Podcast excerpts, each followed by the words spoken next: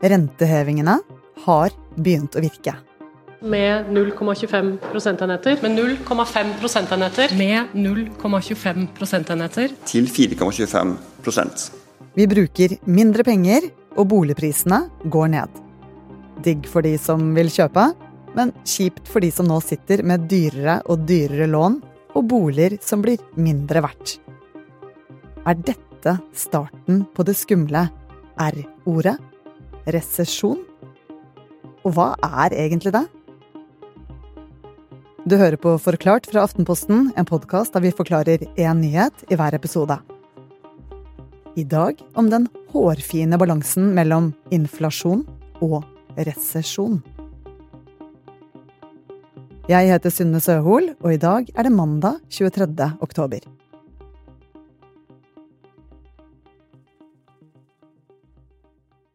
Høy prisvekst har plaget eh, Norges Bank i eh, godt over eh, to år, med 13 rentehevinger som resultat, og kanskje får vi en 14. snart. Men selv om inflasjonen vil fortsette å plage oss i mange år, prisene går jo ikke ned heller, så vil vi kanskje få flere og nye landeplager å snakke om fremover. Sindre Heierdal, vår kjære økonomikommentator, skal ta en liten titt inn i glasskula for oss veldig snart. Men først noe som skjer akkurat nå. Boligmarkedet. For det er ett sted prisene kan ha begynt å gå ned. Vi ser at rentehevingene har begynt å bite, eh, og også i flere store byer så faller nå boligprisene.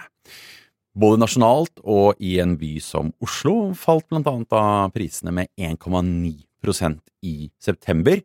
Det pleier å være litt dårligere på høsten, men selv når vi tar det forbeholdet, så var dette en ny type virkelighet. Ja, betyr det at eh, boligprisene kommer til å fortsette å falle? Ja, det tror iallfall jeg. Renteeffekten vil fortsette å skylle inn i folks eh, nettbanker og dempe euforiske budrunder. Og jeg tror jeg vil få et lite hjerteinfarkt om ikke boligprisene fortsetter å falle i oktober og november. Nei, det ville vært så overraskende om ikke dette som nå har skjedd, med stadig dyrere boliglån, preger nordmenns lommebøker så mye at man nå roer seg ned når man også skal lete etter bolig. Men det er ikke bare boligprisene vel som eh, blir påvirket av de høye rentene? Nei da, vi ser det på mange felt. Vi ser jo at salg av nye biler faller, salg av nye boliger faller kraftig. Og så har vi dette som vi kaller gjeldsgraden, altså hvor mye eh, gjeld vi tar på oss.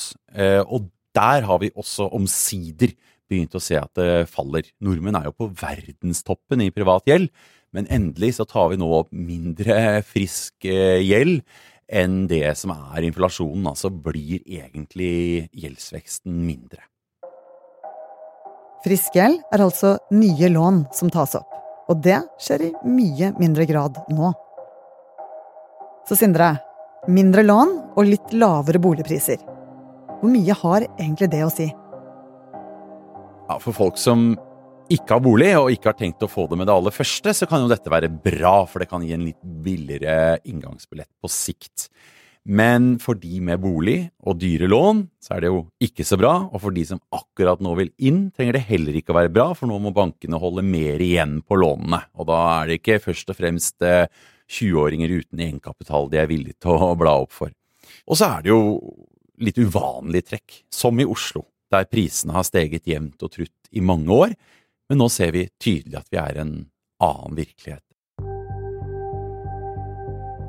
For i mange år har boligprisene i hovedstaden bare gått én vei, og det er oppover. Siden 1993 har leiligheter og hus i Oslo, i det store bildet, bare blitt dyrere og dyrere, og boligeiere har opplevd en eventyrlig vekst. Kan dette eventyret være over nå? Og Det spørs jo om vi kan kalle det et eventyr i det hele tatt, for det er jo mange som ikke har fått mulighet til å komme seg inn på markedet, så dyrt som det er blitt blant annet i eh, storbyene. Men uansett, nei, det betyr ikke at eh, boligprisoppgangen er over for godt. Tvert imot kan det jo komme etter hvert en slags rekyl. Rekyl, hva er det? Rekyl er en slags eh, boomerang-effekt. Altså, nå er det slik at fortsatt vet vi at behovet for å bo sentrumsnært i mindre leiligheter er til stede. Men det bygges nesten ikke. Renteeffekten osv. gjør at det knapt kommer nye boliger til.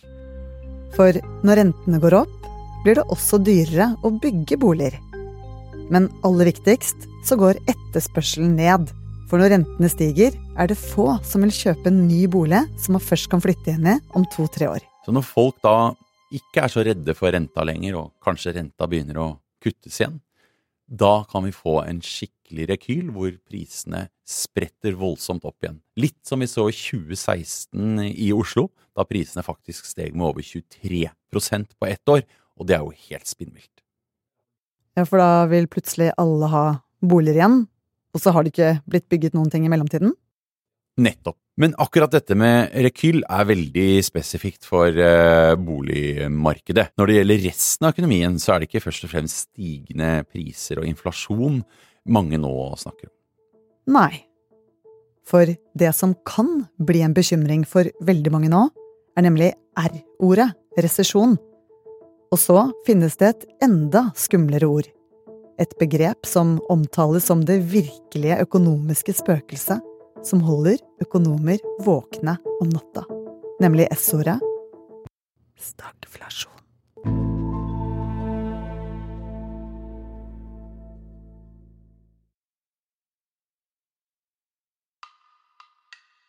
Sindre, nå skal du få lov til å se inn i krystallkulen. Hvordan vil økonomien se ut fremover? Ja, La meg først si at det er fryktelig vanskelig å levere presise prognoser på fremtiden, og de som gjør det, bommer som regel stygt, inkludert Norges Bank. Men et ord som vi bør merke oss, som kan komme mye mer på radaren i de fleste vestlige land, også Norge, det er det såkalte resesjonsordet. Og det er mulig vi får resesjon i Norge om ikke altfor lenge. Og da kan det godt hende at en del av bekymringene rundt uh, høy inflasjon nå byttes ut med nye små grå for en mer brå resesjon. Ja, og her må vi nok stoppe opp uh, litt allerede, Sindre. Hva er resesjon? En vanlig definisjon er at økonomien krymper i minst et halvt år, altså at den økonomiske kaka blir eh, mindre. Hva skjer da? Da er det ikke lenger vekst, det er fall i økonomien. Da blir flere ledige, bedrifter slutter å investere, flere foretak og bedrifter går også typisk konkurs. Ok, så resesjon er på en måte økonomisk nedtur? Ja, et lite ragnarok. Og så er det varierende hvor sterkt dette armageddonet er.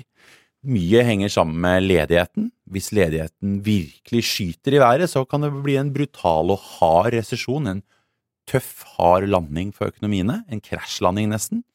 Eh, hvis det bare er en mild bris og svakt fall uten noe særlig økning i ledigheten, så er det en mild resesjon eller en ganske myk landing. Ja, Så det kommer an på arbeidsledigheten? Arbeidsledigheten er veldig viktig, og for eh, de fleste av oss så er det jo den som først og fremst vil gjøre privatøkonomien dramatisk annerledes, og få oss til å gjøre helt andre ting med pengene våre også, annet strupe veldig mye mer igjen på lommeboka, og kutte ut veldig mye moro, kafébesøk og det hele. Men til tross for at resesjon høres skummelt ut, så er det faktisk ikke så langt unna det Norges Bank prøver å få til hele poenget med alle disse rentehevingene på veldig kort tid, er å, å kjøle ned økonomien og dempe den økonomiske motoren. Og at vi da skal kjenne at det gjør litt vondt, sånn at vi struper inn på eget forbruk.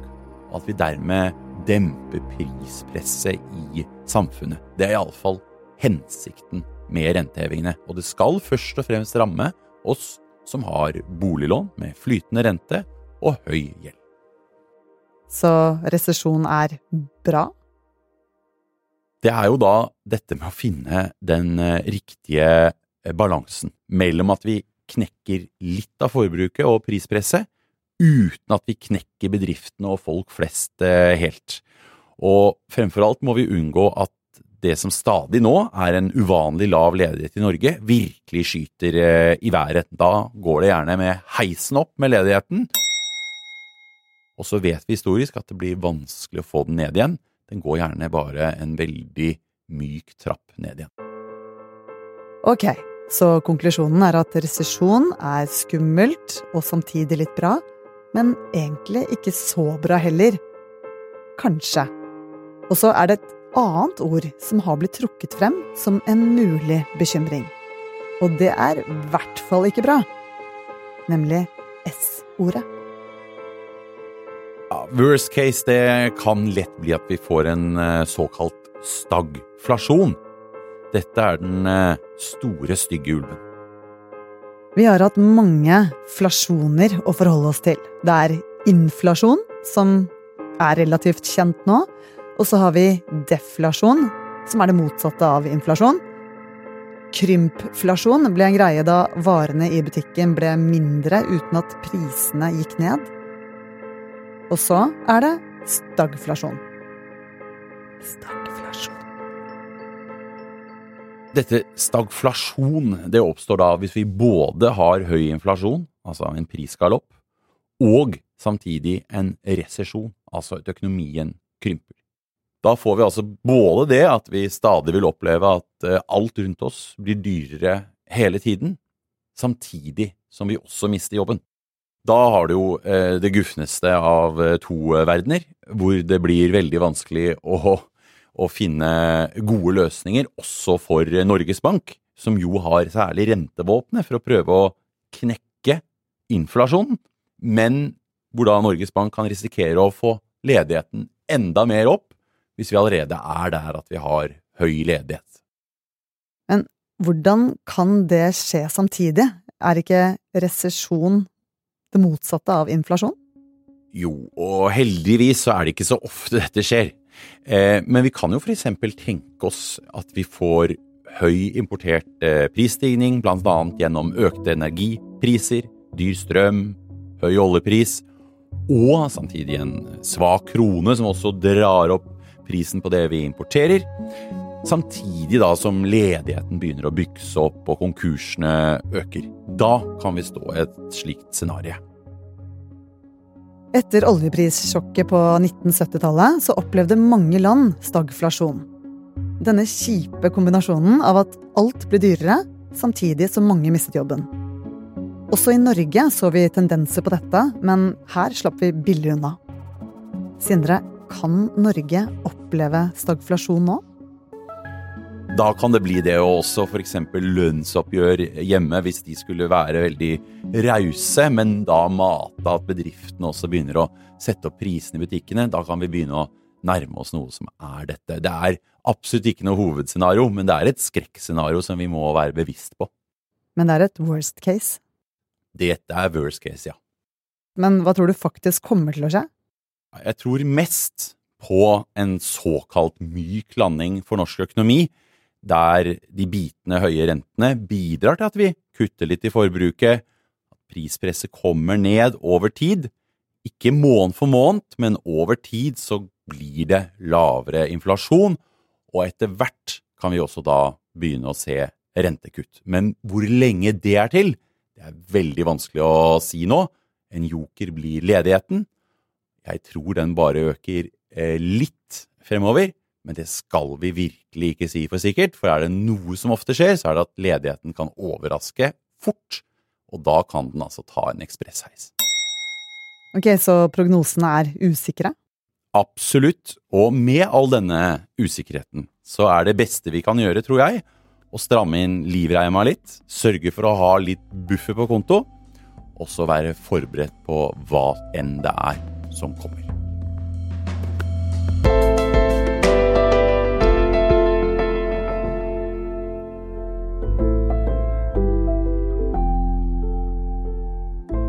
Du har hørt en podkast fra Aftenposten. Det var Sindre Heierdal som forklarte deg R-ordet og S-ordet, og om vi bør være forberedt på en økonomisk nedtur. Lyden du hørte, er hentet fra Norges Bank. Denne episoden er laget av produsent Olav Eggesvik, David Vekoni og meg, Synne Søhol. Resten av Forklart er Anders Weberg og Jenny Førland. iPaden.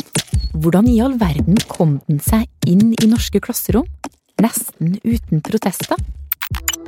Hør historier om gode intensjoner, en fraværende stat og en etterpåklok kunnskapsminister.